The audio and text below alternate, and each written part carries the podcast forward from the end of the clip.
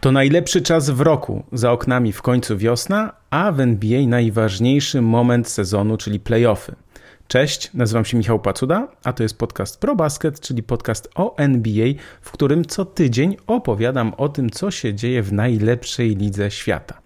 Jeśli jesteś tu pierwszy raz, to zachęcam do sprawdzenia też poprzednich odcinków, bo w spisie treści znajdziesz różne ciekawe tematy ponadczasowe. A w dzisiejszym nagraniu ja zajmę się Golden State Warriors, bo to może być początek końca wielkich Warriors, tej dynastii, którą znamy i którą pamiętamy. Zastanowię się też, czy Los Angeles Lakers na pewno wygrają z Memphis Grizzlies, bo tutaj po pierwszym meczu yy, mieliśmy pewne nastroje, a po drugim już te nastroje mogły się zmienić. Zrobię też ogólny przegląd wszystkich par w playoffach, ale najwięcej chciałbym powiedzieć, czy poświęcić bardzo ciekawemu zestawieniu. Otóż Otóż portal The Athletic, czyli taki no, duży, bardzo poważny, profesjonalny, zapytał około 100 zawodników, a zawodników jest w NBA około 450, czyli powiedzmy jakieś 20% zawodników udzieliło odpowiedzi. No i zapytali o bardzo ciekawe rzeczy. I dzięki tym sądom dowiedzieliśmy się, kogo zawodnicy NBA uważają na przykład za zawodnika przereklamowanego albo niedocenianego albo u którego trenera chcieliby grać, albo u którego by bardzo nie chcieli grać. No i też e, na przykład o tym, kogo uważają zawodnicy NBA, znaczy kogo, e, która hala jest najfajniejsza, albo na przykład kto ma najgorszych kibiców. To zestawienie jest naprawdę świetne, dlatego zdecydowałem mu się poświęcić sporo czasu. Pewnie też dlatego, że mam taką no, osobistą satysfakcję jednego czy z dwóch wyników, ale żeby się dowiedzieć o co chodzi, to musicie posłuchać tego fragmentu, a najlepiej, żebyście posłuchali całego nagrania.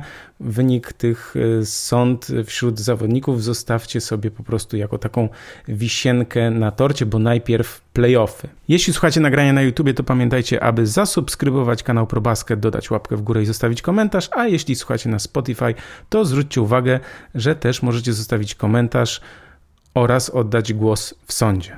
Pomocne i w zasadzie najlepsze podziękowanie z Waszej strony, jeśli uznacie, że ten odcinek był ciekawy, będzie takie, że jeśli e, w swoich mediach społecznościowych po prostu podacie dalej, czy zareklamujecie, polecicie ten odcinek swoim znajomym, to będzie dla mnie wspaniałe wyróżnienie. Mam nadzieję, że wielu z Was to zrobi, dlatego bardzo dziękuję już z góry i zapraszam na najnowszy odcinek podcastu ProBasket. Zacznijmy może od tego, że te playoffy znów udowodniły mi, że nie można się przywiązywać do pierwszego meczu w serii, dlatego że ja mam takie poczucie, że pierwszy mecz jest takim trochę rozeznaniem, wyczuciem rywala, ale też walką z tremą, bo zawodnicy NBA też często odczuwają pewnego rodzaju tremę i niepewność.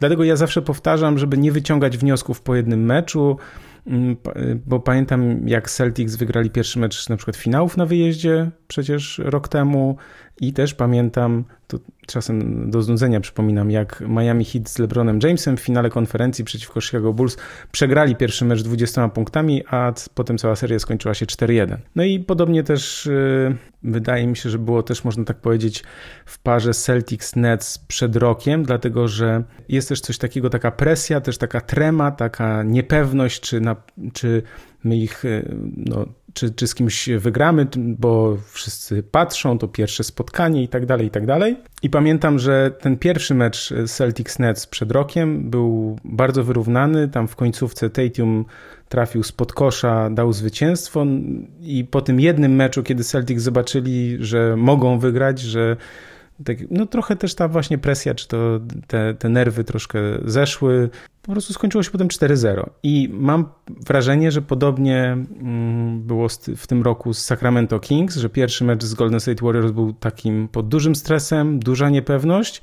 No ale potem jak poszło, taka ta obawa opadła, ta niepewność, można było po prostu już w drugim spotkaniu jechać z tematem i poczuć się pewnie. I dlatego chciałem zacząć od tej serii Sacramento Kings Golden State Warriors, dlatego że tam się dzieją bardzo ciekawe rzeczy. Wielu pewnie z Was y, typowało Golden State Warriors do awansu. Oczywiście nic jeszcze nie jest przesądzone, natomiast rzeczywiście Sacramento Kings pokazali się z bardzo dobrej strony w tej rywalizacji w tych pierwszych dwóch spotkaniach, a teraz przenosi się wszystko do San Francisco. W pierwszym meczu rzeczywiście niewiele zabrakło, żeby Golden State Warriors doprowadzili do dogrywki, czy w ogóle wygrali to spotkanie. Steph Curry rzucił 30 punktów, ale miał duże problemy ze skutecznością. Dużo było też fizycznej gry ze strony Sacramento Kings, no ale De'Aaron Fox rzucił 38 punktów. Malik Monk y, dodał 32, więc rzeczywiście ten, ten pierwszy mecz był niesamowity dla Sacramento Kings. Potem w drugim spotkaniu no już było 114-106, y, pewniejsze zwycięstwo Sacramento Kings. Znów tutaj Fox 24 punkty, też Sabonis 24 punkty, 9 zbiórek, 4 asysty. Oczywiście zaraz powiem o tej sytuacji z Draymondem Greenem. Warriors teraz wracają do siebie i mają dużą szansę, żeby ten stan rywalizacji wyrównać, bo u siebie są drużyną dużo, dużo, dużo mocniejszą.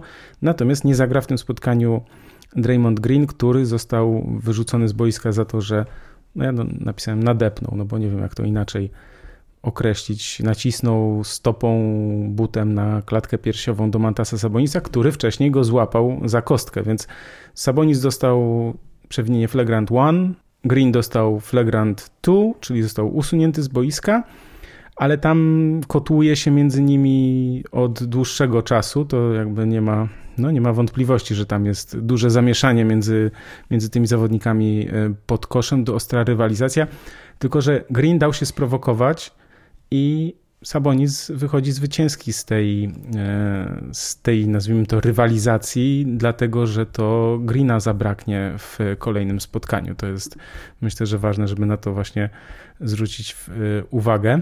Ważna statystyka jest taka z tego sezonu, że razem z Greenem 41-32 bilans, bez Draymonda Greena bilans 3-6, więc tutaj pozytywny dodatnie, a tutaj negatywny ujemny też, jeśli chodzi o grę w obronie, zdobywanie punktów, y, prawie 120 z Greenem, 110, no 111 bez niego, więc y, ta obrona z nim jest bardzo, bardzo, bardzo dobra. Obrona bez niego jest bardzo, bardzo zła, więc naprawdę, żeby wygrać to spotkanie, to będzie ogromna, wielka sztuka, żeby wygrać ten mecz numer 3, dlatego że Sacramento też są jedną z najlepiej grających drużyn na wyjazdach. No i też poczuli, poczuli krew i myślę, że nie ma tutaj co się co się zastanawiać i dziwić, że oni teraz odpuszczą 2-2, poczuli się pewnie, nie, nie, nie, oni na pewno pójdą za ciosem, mają trenera roku, najlepszego trenera w tym sezonie, Mike'a Browna, który był asystentem w Golden State Warriors i wie po prostu, zna tych wszystkich zawodników, wie jak pewne rzeczy poustawiać, rozegrać, jaką przyjąć taktykę, jak w obronie się zachowywać i tak dalej. Natomiast JJ Redick bardzo ważną, ciekawą rzecz poruszył, że w tych pierwszych dwóch meczach Steph Curry był wielokrotnie gdzieś faulowany, łapany, też y, Sabonis też w stosunku do Greena, też Clay Thompson miał utrudnione życie. Gdzieś wiele sytuacji takich jego zdaniem było, które mogły być odgwizdane czy uznane jako przewinienie i teraz dużo będzie zależeć od sędziów, jak będą to spotkanie interpretować, jak będą chcieli, żeby był taki mm, no takie narzucenie stylu, czy tego, na co pozwalają sędziowie. Czy troszkę zmienią, czy troszkę zmienią to swoje podejście i będą jednak bardziej tacy skrupulatni, czy jednak wciąż będą pozwalać na bardzo dużo, tak jak w tych y, pierwszych dwóch spotkaniach. Ja podkreślam, że mówię to y, bez większych emocji, to znaczy to, że ja powiedziałem, że Sacramento wygra, to nie znaczy, że ja im kibicuję, trochę czasami chcę, żeby gdzieś tam ten ktoś, kto był niżej notowany albo komuś nie daje szans. Lubię niespodzianki, to jest prawda, natomiast to nie jest tak, że ja tu teraz będę opowiadał, że wszystko pod kątem Sacramento. Nie, Golden State Warriors nadal są mistrzami NBA, nadal mogą wyrównać na 2-2 i seria się zaczyna od początku.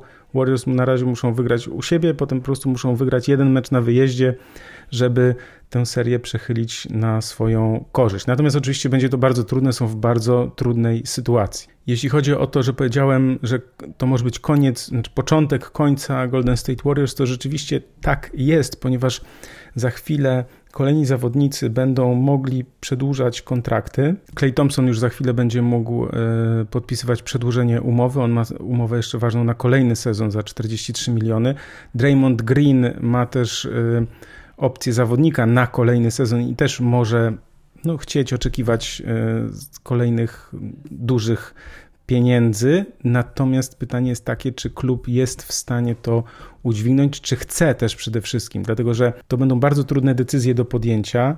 Też, yy, jeśli się nie mylę, to menedżer klubu też nie ma jeszcze ważnej, przedłużonej umowy, więc tam jest dużo takich ciekawostek, dlatego że Clay oczekuje pieniędzy, to jest normalne. To jest też tak, że wśród zawodników, wśród sportowców w Stanach Zjednoczonych to jest też trochę takie, no, nikt się tam nie będzie poświęcał, żeby zarabiać mniej, dlatego że wynagrodzenie czy wysokość kontraktu jest taką formą uznania czyjejś wartości i docenienia. Więc po prostu każdy chce dostać jak najwięcej pieniędzy, to jest w pewnym sensie zrozumiałe, natomiast zespół musi podjąć decyzję, czy chce wydawać na pensję kilkaset milionów dolarów, bo to może przekroczyć, jeśli by chcieli przedłużyć i Kleja, i e, Draymonda Greena, to może się okazać, że tam pół miliarda za sezon, razem z tymi oczywiście opłatami dodatkowymi, chodzi mi o te podatek od luksusu, dlatego że jeśli Golden State Warriors przekroczą, a przekraczają co roku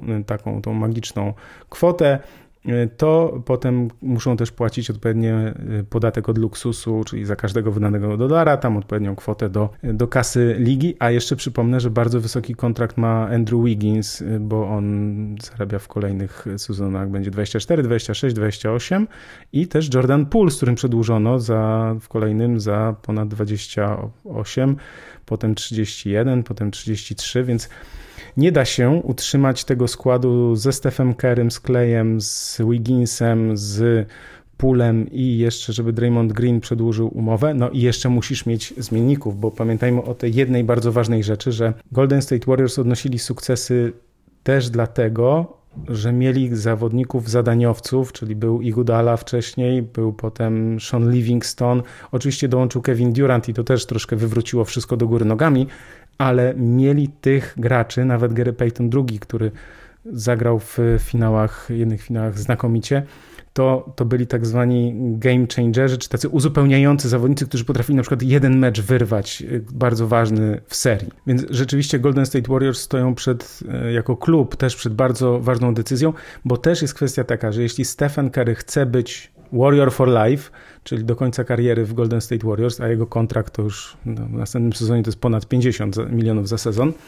Więc jeśli, on, jeśli oni chcą, żeby on był w tej drużynie, no to on też będzie miał coś do powiedzenia, no bo tak ważny zawodnik, 35 lat w tym roku, Stephen Curry, to to ważne jest, ważne będzie też jego zdanie, czyli klub nie może sobie tak po prostu odpuścić Kleja Thompsona czy Draymonda Greena, że dobra, niech tam odchodzą i tak dalej, bo głos Stefa Kerego też będzie w tym wszystkim bardzo ważny.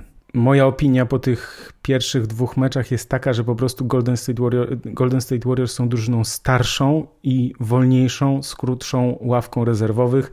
Sacramento Kings są zespołem dużo młodszym, dużo bardziej wybieganym, takim pełnym energii, agresji, y, takim po prostu bardzo energetycznym, a Diaron Fox jest po prostu zawodnikiem niesamowicie szybkim. Nie ma szybszego zawodnika chyba w całej lidze niż Diaron Fox. Po prostu jego depnięcie i też tak zwana umiejętność zdobywania, ten klacz, bycie klacz, czyli to umiejętność zdobywania punktów w decydujących momentach jest niesamowita. Więc Jestem bardzo ciekaw, co tu się wydarzy. Ja nagrywam w czwartek, więc nie znam wyniku, więc za chwilę oczywiście wiele osób będzie słuchać w piątek, więc już wynik będzie znany i będziecie mogli po prostu sobie też no, ocenić, też przemyśleć, przeanalizować. Ja nie mówię, że będzie tak albo tak, po prostu przedstawiam zawsze, staram się tak robić, że przedstawiam te możliwości, to znaczy, że może być tak, a może być tak. I gdzieś ja mam taki bardziej 60 do 40 albo 70 do 30, nawet, że jednak Sacramento Kings pójdą za ciosem, ale jednak oczywiście nie przekreślam szans Golden State Warriors, którzy są we własnej hali bardzo mocni, no i to jest doświadczenie mistrzów też może być tutaj może odegrać bardzo ważną rolę. Jeśli lubisz podcast ProBasket, to oczywiście zachęcam do postawienia nam, zaproszenia nas na wirtualną kawę. Nas, czyli serwis ProBasket, mnie jako prowadzącego podcast. można coś takiego zrobić, czyli zaprosić nas na wirtualną kawę, zapłacić 5, 10, 15 czy więcej złotych. Wszystko jest tam opisane, nie trzeba się nigdzie logować, w sensie zakładać kont, wystarczy tylko po prostu się do swojego banku e, zalogować. Tam oczywiście nie ma żadnego, żadnego niebezpieczeństwa, nie jest to żadne oszustwo ta strona, jest to po prostu taka możliwość przekazania przekazanie darowizny, ale to po prostu w ramach uznania za czyjąś pracę. Także dziękuję bardzo za tym wszystkim, którzy już e, do tej pory postawili mi kawę. Dzięki. Przejdźmy do pary Los Angeles Lakers, Memphis Grizzlies, a raczej Memphis Grizzlies, Los Angeles Lakers, no bo to drużyna Memphis Grizzlies jest wyżej rozstawiona z numerem drugim, Lakers z numerem siódmym. Ja wam powiem tak, to jest w ogóle niesamowite, jak zanim zacznę przejdę do meczów, to jest niesamowite, że ten zespół z Memphis, mimo że stracił trzech bardzo ważnych, dwóch graczy pierwszej piątki, trzech bardzo ważnych zawodników. Chodzi mi o Clarka i Adamsa pod koszem i też Moranta. I ten zespół bez trzech bardzo ważnych zawodników potrafi wygrać w serii w playoffach. Nie ma innej drużyny w NBA, moim zdaniem, gdzie zabrałoby się dwóch graczy pierwszej piątki i jeszcze bardzo ważnego rezerwowego, a ten zespół byłby nadal bardzo, bardzo mocny. Więc tutaj słowa uznania dla Memphis Grizzlies. Natomiast jeśli chodzi o ten e, pierwszy mecz, no bo rzeczywiście po tym pierwszym meczu tam Rui Hachimura naprawdę e, znakomicie 5 na 6 za 3, 29 punktów. Austin Reeves 23 punkty. No, znakomity występ e, tych dwóch zawodników. Bardzo dobry występ też Antonego Davisa 22 punkty, 7 bloków, 12 zbiórek. No wiadomo, dominacja po prostu Lakers super i tak dalej. Więc wszyscy po tym pierwszym meczu mówili, no tak, no to Lakers, ja nawet sobie tam troszkę pół żartem, pół serio, czy można zmienić typ, no bo na tę parę, no bo ja postawiłem, uważam trochę, uważałem, że Lakers, y, że to, że to Grizzlies wygrają.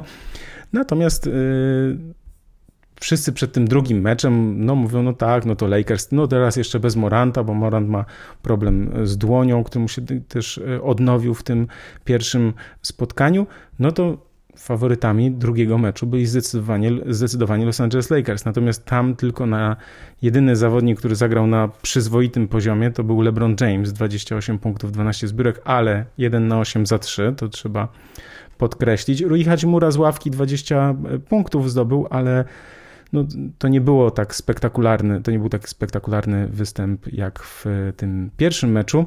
Natomiast no ja jestem pod wrażeniem tego w ogóle, co, co robi Dylan Brooks, bo ten gość wygląda czasem pokracznie, bo on tak no, nie za bardzo umie kozłować, jeśli chodzi o poziom zawodnika NBA, to tak nie za bardzo. Natomiast jego odwaga, waleczność, w ogóle trafił dwie trójki. Ja teraz patrzę w statystyki, on miał tylko 5 na 14 z gry, więc słaba skuteczność, 12 punktów, ale powiem szczerze, że, że te jego punkty, te jego trójki no, wyglądały zdecydowanie bardziej efektownie i zdecydowanie lepiej w trakcie meczu niż tylko jak to się potem spojrzy w taki suchy box score. Natomiast Jaren Jackson Jr. też y, dobry mecz. Xavier Tillman okazał się tutaj niesamowitym bohaterem spotkania. 22 punkty, 13 zbiórek. To jest naprawdę też taki przykład dlatego, żeby pokazać, jak zawodnicy niektórzy w NBA są naprawdę dobrzy. To znaczy, Tillman nie jest zawodnikiem, który grał dużo w trakcie sezonu, a jednak teraz wyszedł i zagrał znakomicie. I to nie jest przypadek, bo oglądałem ten mecz i ten gość po prostu umie grać w kosza. To znaczy, umie grać, to nie były przypadkowe jakieś tam akcje, że po prostu, nie wiem, kończył spod kosza bez problemu sam na sam, czy, czy bez obrońcy. Tam on wiele tych akcji musiał tu kozioł zrobić, tu zwód, tam gdzieś z drugiej strony obręczy i tak dalej. Też kilka rzutów e, trafił jedną trójkę, kilka rzutów gdzieś tam troszkę dalej od kosza. Naprawdę świetny występ. Więc tutaj dla Memphis e, duże uznanie. Desmond Bain troszkę poniżej e, oczekiwań, bo rzeczywiście 17 punktów i spora nieskuteczność, ale też, też w tych ważnych momentach on jednak potrafił wziąć na siebie ciężar gry. Natomiast najciekawszą statystyką jest tutaj to, że Tyce Jones ma bilans, znaczy Grizzlies mają bilans z Tyson Jonesem 34-15 w dwóch ostatnich latach, kiedy zastępował Moranta, a Grizzlies bez Moranta mają bilans 33-17. To jest też taka ciekawostka. To, to, jest, no to jest w ogóle, no było to w tym sezonie i w tamtym sezonie, że tak, takie, było też tak dużo takich dyskusji, że słuchajcie, Grizzlies w zasadzie bez Moranta to są e, lepsi niż z nim, no bo to jest też taki zawodnik, który bardzo dużo zabiera też innym e, graczom, więc no tutaj zobaczymy, kiedy on wróci. Oczywiście y, kto ma szansę na większe na zwycięstwo w tej serii? Ja się obawiam, że będzie to taka historia, że Grizzlies y, zabiegają Lakers i potem w drugiej rundzie Grizzlies nie będą mieli szans, no chyba z Sacramento Kings, bo będzie drużyna mm, zwycięzca pary 2-7 gra ze zwycięzcą pary 3-6, więc tutaj może być Sacramento albo Golden State Warriors oczywiście, ale gdzieś mam takie poczucie, że może po prostu to Memphis Grizzlies, taki scenariusz sobie gdzieś tam stworzył mi się w głowie, że Memphis Grizzlies zabiegają Los Angeles Lakers i im więcej meczów będzie, tym więcej oni będą mieli siły w przeciwieństwie do rywali, no a potem w tej drugiej rundzie już im tych sił zabraknie, no bo też się zmierzą z zespołem, który będzie grał bardzo dobrze, bardzo szybko, więc no takie to mogą być te, te playoffy. Warto docenić obronę Memphis Grizzlies, naprawdę bardzo tam dużo było podwajania Antonego Davisa, wypychania go spod kosza. 93 punkty to jest najmniej w tym sezonie, co Lakers zdobyli. Grizzlies mają bilans 9-0, jeśli rywale rzucają poniżej 100 punktów, więc y, dużo ciekawych rzeczy się zadziało w tym spotkaniu. Jeszcze polecam, żeby zobaczyć, jak, y, jak Tylon Brooks, zapytany o tam spięcie z LeBronem, powiedział I don't care, he's old i naprawdę po prostu sposób, forma, w jakiej on to powiedział, no szyderiada, okrutna. Czasem mnie ten gość denerwuje i drażni i uważam, że pewne rzeczy robi bez sensu, natomiast no tutaj, tutaj no muszę przyznać, że szyderka takich no, wysokich lotów, można tak powiedzieć. Jeśli przyjrzymy się innym parom, to w tej rywalizacji Denver Nuggets, Minnesota Timberwolves zdecydowane, no może nie zdecydowane, ale pewne zwycięstwa e, gospodarzy Denver Nuggets. Fajny ten pojedynek Mareja z Edwardsem. Po cztery dychy tam sobie chłopcy rzucili, ale jakoś tak to nie jest jeszcze ta para, taka rywalizacja. Jeszcze Grizzlies nie są, znaczy nie Grizzlies, przepraszam, Wolves nie są na tym poziomie, żeby tutaj się w moim przypadku, żebym się ekscytował tą parą. Gdzieś Denver Nuggets zacznę się chyba przyglądać dopiero w drugiej, e, w drugiej rundzie, bo zwycięzca tej pary Nuggets Timberwolves zmierzy się ze zwycięzcą pary Phoenix Suns Los Angeles Clippers. No i znów tutaj mamy pierwszy mecz, który Clippers wyrwali, wygrali, ograniczyli możliwości Phoenix Suns i dużo było bardzo mm, tego mówienia o tym, jak to właśnie Phoenix Suns nie dali rady, jak to Kevin Durant miał problemy z, w ogóle z oddawaniem nawet rzutów i dużo było takich uwag pod, pod adresem e, Phoenix Suns. No i oczywiście znakomity, znakomity Kawhi Leonard. Naprawdę 38 punktów, ale świetna skuteczność. Ogrywał po prostu jak chciał. Z pierwszego meczu wnioski y, są takie, że strasznie dużo zawodników trener Monty Williams wystawił i to było przedziwne, bo jeden Landry Shamet grał 24 minuty, potem raz, dwa, trzy, czterech, pięciu gości 7 minut lub mniej. To tak się w playoffach nie gra. To znaczy musisz mieć swoich zawodników, którym ufasz i ich wystawiasz, natomiast fakt, że on tutaj piątką rotował po kilka minut, to znaczy, że szukał cały czas Monty Williams jakiegoś rozwiązania, którego, jak widać po wyniku tego meczu, nie znalazł. Więc tutaj warto zwrócić na to uwagę. Oczywiście Russell Westbrook, niesamowita energia. No, elektryczność 10, skuteczność chyba 3 na 19, ale decydujący blok na Devinie Bookerze, więc naprawdę tutaj znakomita historia, bo zablokował jeszcze piłka, potem się odbiła od e, Brooksa i wypadła na przepraszam, od Bookera e, wypadła na out, więc tutaj mm, bohaterem był Russell Westbrook. W drugim meczu no już nie był tym bohaterem, dlatego że to Phoenix Suns e, wygrali to spotkanie i Devin Booker rzucił 38 punktów, a Kevin Durant 25. Strasznie dużo Phoenix Suns rzucali z, z pół dystansu, czyli spoza pola 3 sekund, a przed trójką.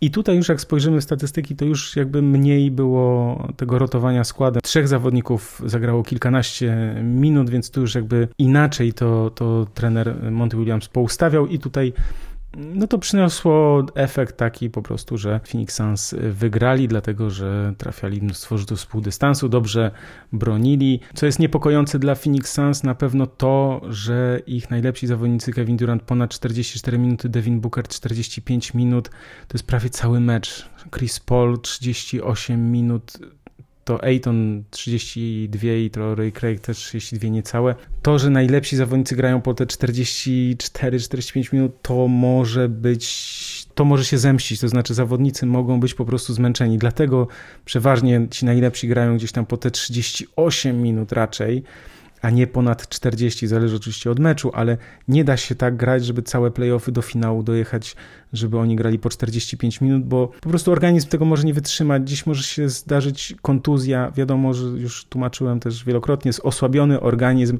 niestety jest podatny na, na kontuzję, na, na, na pewnego rodzaju urazy, gdzieś jest y, mniejsza ta stabilność, można się gdzieś tam pośliznąć i tak dalej. Będzie bardzo trudno Phoenix Suns. To jest też taki, nawet jeśli oni wygrają tę serię, to z Denver Nuggets już wiem, że może być duży problem, ponieważ Denver Nuggets po prostu mają dużo, dużo, dużo dłuższą ławkę i po prostu mogą to się tak mówi nie, nie elegancko, zajechać e, rywala, to znaczy po prostu, że ktoś, kto jest świeży, może siąść na, na, na graczu ataku i, i bronić z całej siły, a tutaj Phoenix Suns tego nie będą mieli i po prostu trochę będą osamotnieni i zmęczeni, można tak powiedzieć, Durant i Booker, dlatego że no to wiadomo, że na nich będzie spoczywać największa odpowiedzialność. Ale to zostawmy, bo najpierw muszą wygrać z Los Angeles Clippers, co nie będzie łatwe, bo teraz dwa mecze będą w Los Angeles, więc to nadal Clippers mają przewagę własnego boiska. No i teraz będą grali dwa mecze u siebie. Jeśli przeniesiemy się na wschód, to tam w parach Celtics Hawks nie dzieje się zbyt wiele i nie wiem, czy poświęcać temu dużo czasu. Nie jestem w stanie śledzić wszystkich serii bardzo, bardzo dokładnie, więc też mi jest czasem trudno gdzieś tam na jakiś temat się wypowiadać, tak udawać, że wiem wszystko. Nie wszystko wiem o wszystkich seriach. Ciekawe to jest, że w Filadelfii mm, w tej parze Sixers-Nets w drugim meczu Nets próbowali gdzieś tam podwajać, potrajać Embidat. Może to jest jakaś metoda, może w tym szaleństwie jest jakaś metoda, no bo pozwolić Embidowi grać jeden na jeden, tam jest Claxton, którego po prostu można zmieść, znaczy Embiid go zmiata z powierzchni, to no gdzieś trzeba próbować różnych swoich y, pomysłów. Ten Jacques niech, niech próbuje, niech, niech coś kombinuje, niech te Brooklyn Nets spróbują coś wyrwać, żeby po prostu było ciekawie. Na pewno bardzo ciekawie jest w parze Cleveland Cavaliers New York Knicks. Jest remis 1-1. Nowy Jork wyciągnął, wyrwał to pierwsze spotkanie. To też jest, no mogło być dla niektórych zaskoczeniem. No, Nowy Jork ma teraz przewagę własnego boiska, natomiast jest bardzo ważna kwestia, to znaczy to, że New York Knicks mają dużą, dużo dłuższą ławkę rezerwowych, maj, mają kim grać, bo poza pierwszą piątką jest Emmanuel Quickly, jest znakomicie Josh Hart, gra nawet y, Obi Topin, ja go bardzo lubię, ale jest tak, no dostaje mało szans niestety. Nawet gracz podkoszowy y, Hartenstein tam zagrał ponad 20 minut.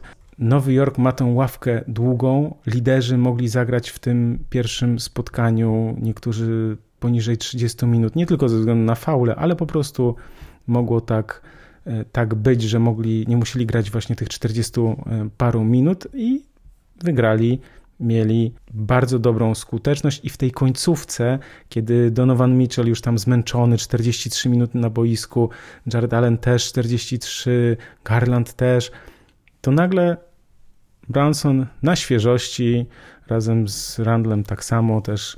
Oni świeżutkie nogi, można grać, można walczyć i ten mecz pierwszy na stronę, na korzyść Nowego Jorku. Natomiast no już w drugim spotkaniu tak nie było łatwo Nowojorczykom, dlatego że już Cleveland y, wygrali i Darius Garland tutaj był bohaterem 32 punkty, no i też Caris Levert, bo to co jest ważne, Cleveland Cavaliers mają problem z ławką, to znaczy mają krótką ławkę, to oni mają tak naprawdę czterech zawodników do grania. To znaczy Garland, Mitchell, na obwodzie Mobley i Allen pod koszem. I nie ma za bardzo skrzydłowych. Znaczy Osman czy Levert, no właśnie Levert musi zagrać bardzo dobre spotkanie, żeby być tym zawodnikiem, który da coś drużynie. To znaczy oni mają duże problemy z tym, że nie mają po prostu zawodników do grania. Ta podstawowa czwórka, którą powiedziałem, to ona świetnie sobie radziła w sezonie zasadniczym, natomiast y, jak przychodzą te mecze, właśnie playoffy, no to się robi kłopot y, w, tej, w tym pierwszym meczu, bo pierwszy mecz oglądałem w większości, drugi tam tylko fragmenty, no to Dean Wade jest taki zawodnik, który nie jest wybitnym obrońcą, a gdzieś tam dawał właśnie, znaczy krył zawodników, którzy rzucali akurat punkty gdzieś tam w tym ważnych momentach w tym pierwszym meczu, więc no tutaj był, były spore problemy po stronie Cleveland i to jest problem duży Cleveland, y, że oni mają po prostu krótką ławkę, a im ta seria będzie dłużej trwała, tym to może być większy problem. Teraz dwa mecze kolejne w Madison Square Garden. Jestem bardzo ciekaw, jak Donovan Mitchell tam zagra i czy Cleveland wyrwą jeden mecz. Myślę, że tak może być i że może być remis 2-2 po tych czterech e, meczach, czy po tych dwóch meczach w, w Nowym Jorku, no ale to zobaczymy za niebawem, niedługo. Ostatnią parą Milwaukee Bucks, Miami Heat, tam to co jest ważne, takie krótkie streszczenie może, że w pierwszym meczu e, rzeczywiście Miami Heat e, wygrali 130 do 117, ale tam Janis doznał no, takiej kontuzji, po której musiał udać się do szatni. Upadł na plecy, chciał e, no tam, chciał skończyć akcję w ataku, spadł, bo rywal stanął do na offense, no i on upadł z bardzo dużej wysokości, podobnie zresztą jak Morant, tylko że Morant upadł do przodu, a Janis do tyłu. No i tak się skończyło, że, że Miami Heat ten mecz wygrali. Y, Jimmy Butler 35 punktów zdobył i był świetny, a Janis tylko 11 minut i zaledwie 6 punktów. Chris Middleton rzucił 33 punkty w tym pierwszym meczu, ale no właśnie, było też pytanie, jak sobie będą radzić bez Janisa w tym y, drugim spotkaniu. No i to już, to już był zupełnie inny mecz. Niestety Miami Heat bez Taylora Hero, ponieważ on złamał rękę pęknięcie i nie będzie mógł grać. No pewnie całe playoffy, no bo nie sądzę, żeby Miami weszli do finału. W każdym razie Duncan Robinson, który gdzieś tam przyspawany do ławki był wcześniej, a teraz po prostu nagle musi grać dużo. Więc y, była ciekawa koncepcja, ponieważ trener z Polstra wyszedł niskim składem, bo Gabe Vincent, Max Struz, Jimmy Butler i Duncan Robinson, czyli dwóch małych i dwóch niewysokich, plus Adebayo, który też nie jest, jest podkoszowym, ale nie jest jakimś tam gościem, co ma 2,15. Przeciwko, i to jest też ciekawe, Drew Holiday i Grayson Allen to na obwodzie i e, Janisa w piątce za, zastąpił Bobby Portis, pod koszem oczywiście Brook Lopez, był oczywiście Chris Middleton, no i Milwaukee Bucks no, rozjechali y, Miami Heat. Ten wynik końcowy, co prawda 138-122, no nie odzwierciedla tego, co tam się działo, bo tam było w pewnym momencie już chyba za 30 punktów. Milwaukee trafili 25 trójek, 25 na 49, więc też znakomita skuteczność, jeśli chodzi o rzuty za 3 punkty całkowita dominacja. No nie mieli żadnych argumentów. Gdzieś tam były te zrywy, coś tam się niby działo, ale, ale bym to zostawił. No, y, skończy się tak, że Janis zaraz wróci i, no i raczej się skończy 4-1, tak podejrzewam. 4-2 dla Milwaukee byłoby mimo wszystko dla mnie zaskoczeniem, chociaż myślę, że Miami będą walczyć. Ja tak mówiłem w poprzednim nagraniu, że już nie, tam Miami już się nie nadają, bo trochę nie wierzyłem, że Jimmy Butler znowu odpali ten Jimmy Butler playoff mode. No jednak odpalił, więc więc y, odpalił, aczkolwiek na razie w pierwszym meczu, bo w drugim już statystyki miał ładne, natomiast y, no nie poprowadził drużyny, nie pociągnął tego zespołu dalej i wyżej. No i to było takie moje podsumowanie tych wydarzeń playoffowych, co tam się y, działo, co tam się dzieje nadal.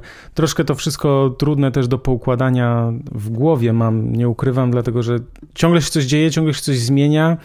Ja się zastanawiam, kiedy nagrywać podcast, czy w czwartek, a może w piątek, a może tam po tam jakimś tam meczach i tak dalej. Myślę, że im dalej w te playoffy będzie troszkę mi też łatwiej, żeby to sobie gdzieś tam poukładać, no bo wiecie, po pierwszych meczach mam jakieś tam wnioski, mógłbym je powiedzieć, ale no podcast nagrywam za parę dni, No i się okazuje, że jednak e, troszkę trzeba to wszystko pozmieniać, więc tak troszkę wiem, mam świadomość tego, że to troszkę jest w takim chaosie, no ale mam nadzieję, że po prostu gdzieś tam komuś też jednak mimo wszystko e, umilę ten czas e, między meczami, bo rzeczywiście dzieje się bardzo dużo, warto to w sobie wszystko oczywiście obserwować.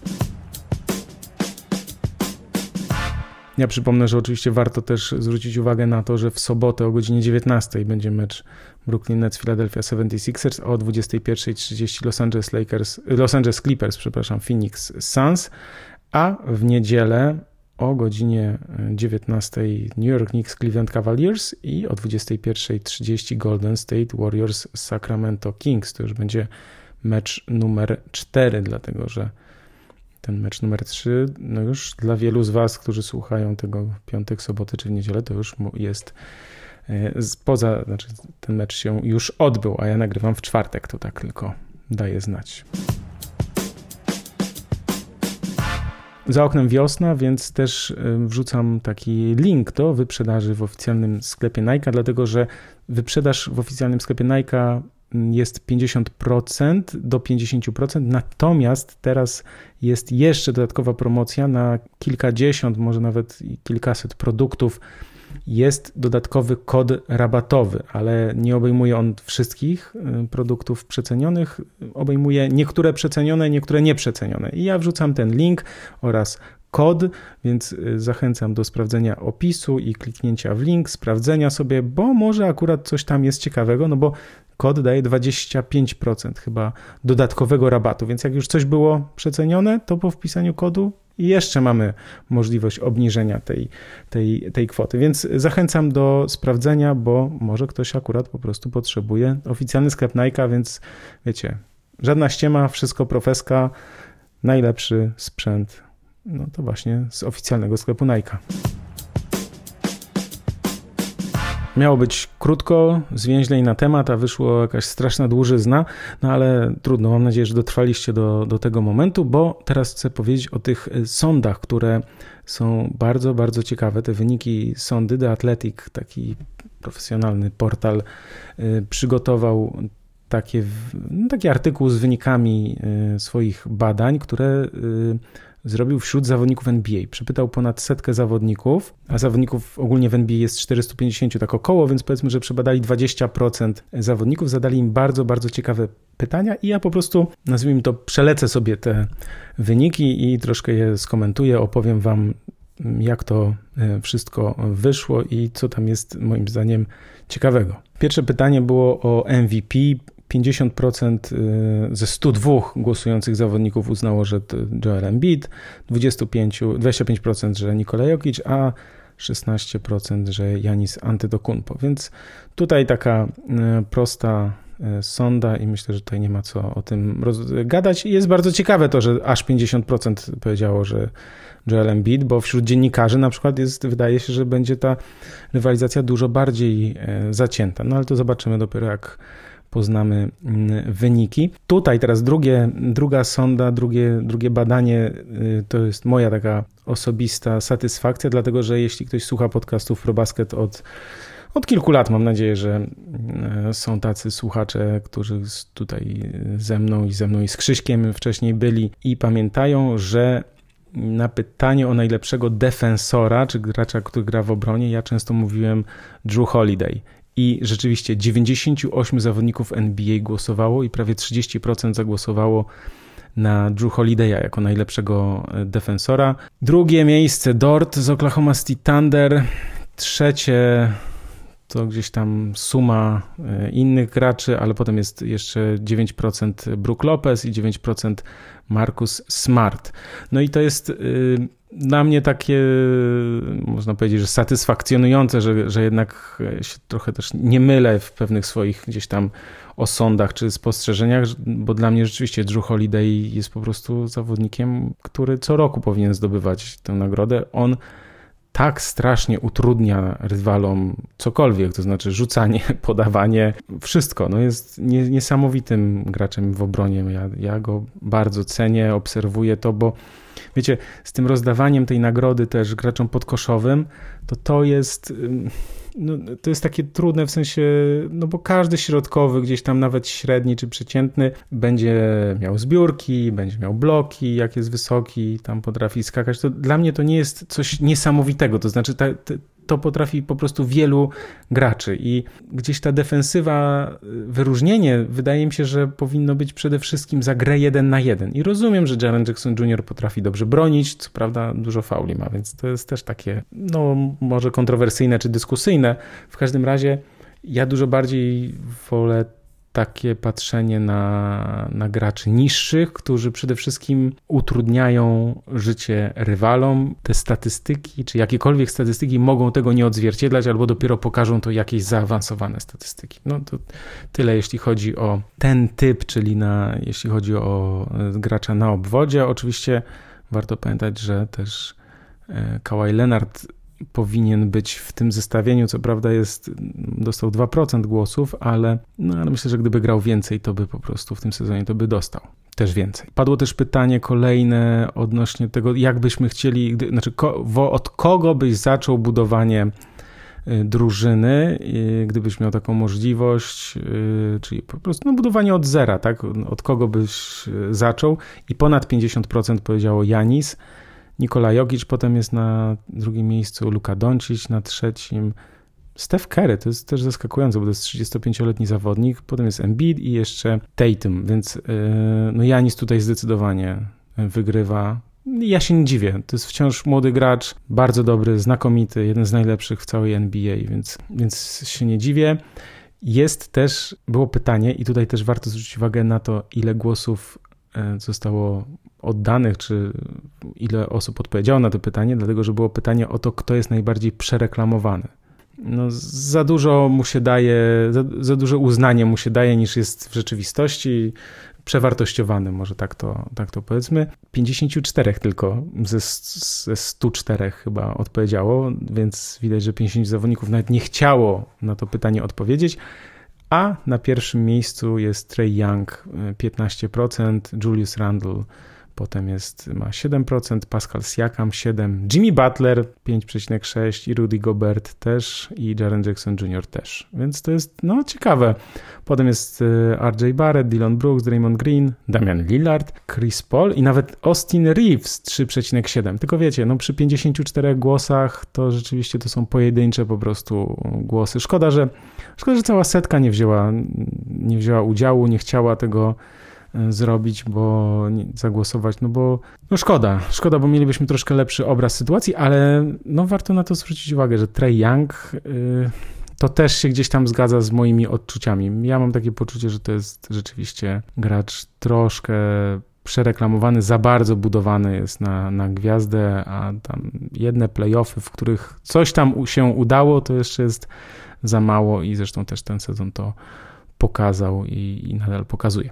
Kolejne e, pytanie było o to, kto jest najbardziej niedocenianym e, zawodnikiem, i tutaj Drew Holiday znów wygrywa 17,5%.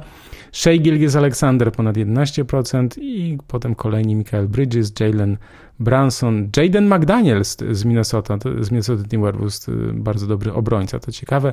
Derek White, Jalen Brown, no a potem już tam bardzo małe te procenciki. No ciekawe, ciekawe, bo Drew Holiday i Shea Gilgis Alexander, Michael Bridges, rzeczywiście to jest taka pierwsza trójka. Chyba bym się z tym e, zgodził, że tak właśnie, mm, tak właśnie jest. 103 zawodników nie miało problemu z odpowiedzeniem na pytanie, kto jest najlepszym zawodnikiem e, w historii, bo 58% uznało, że to Michael Jordan, a 33%, że LeBron James, niecałe 7%, że Kobe Bryant. Bill Russell 1% i Tracy McGrady 1%, czyli jeden zawodnik, pewnie jeden zawodnik powiedział, że Tracy McGrady. Niesamowite.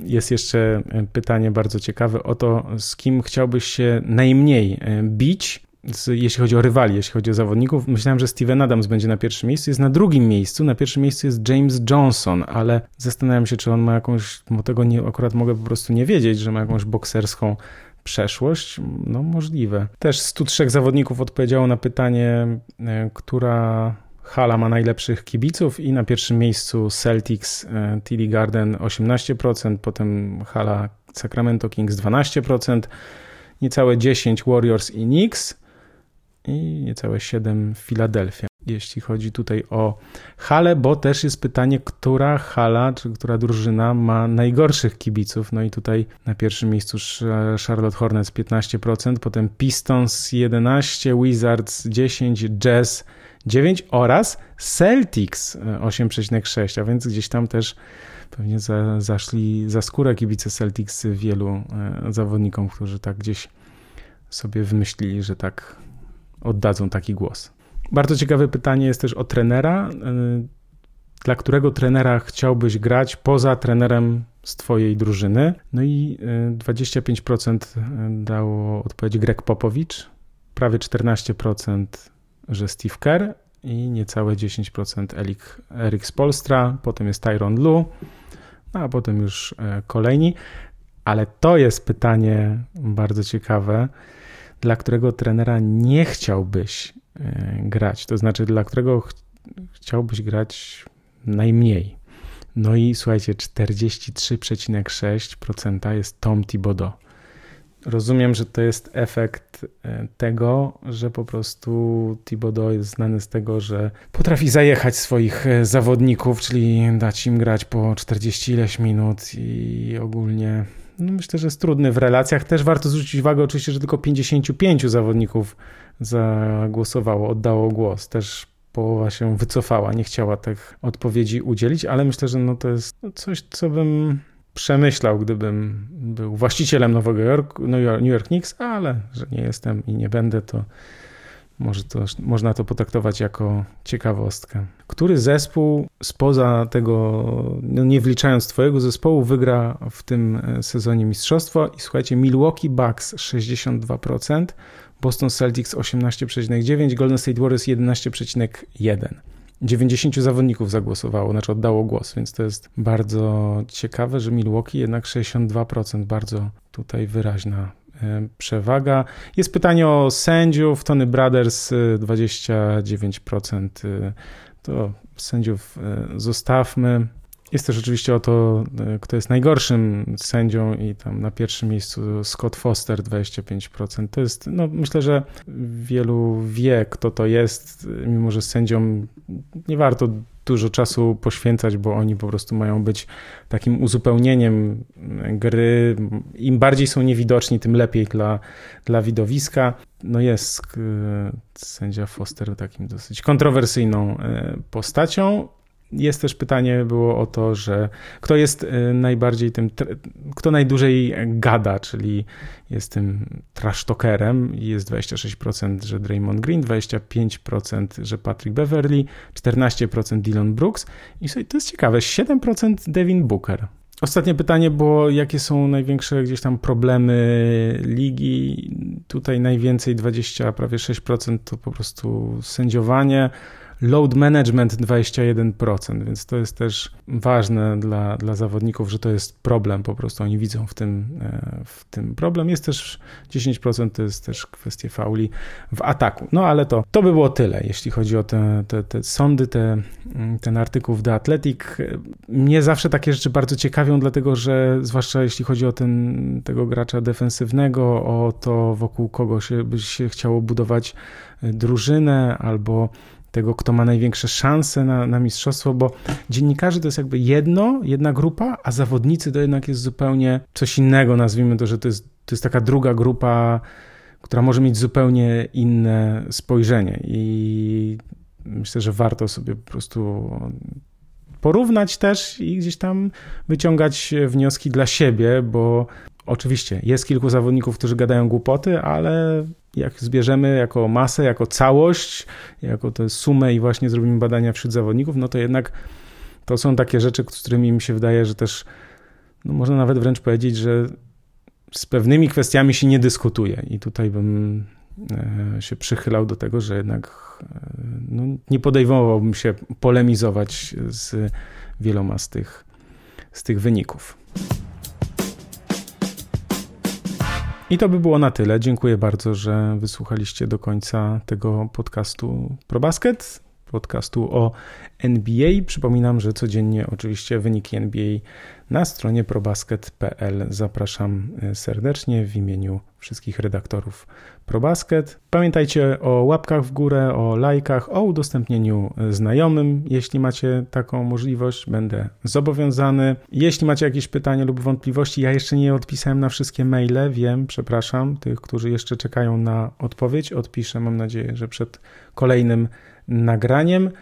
Można też do mnie właśnie napisać redakcja małpa probasket.pl. Ja tego maila sprawdzę i postaram się odpisać. To by było już na tyle. Kończę, bo wyszło strasznie długo, dużo dłużej, dużo dłużej niż e, zakładałem. Mam nadzieję, że za tydzień będzie mnóstwo ciekawych rzeczy do przegadania i też myślę, że mam nadzieję, że to będzie w czwartek wieczorem, bo w piątek mi się wydaje, że jest, to nie jest dobry czas, żeby w piątek nagrywać i publikować, dlatego że zanim ja opublikuję, to już jest piątek wieczór, a w sobotę jest najmniejszy ruch w internecie, więc jakby wydaje mi się, że już jakby odsłuchiwanie, zwłaszcza w playoffach podcastów w poniedziałek może się troszkę kłócić z, z sensem, bo troszkę nie będzie na czasie, więc mam nadzieję, że w czwartek po prostu uda mi się nagrać i no, postaram się wypuścić jak najwcześniej. Dobrze, już ostatecznie kończę. Dziękuję bardzo. Do zobaczenia, do usłyszenia. Cześć, pozdrawiam.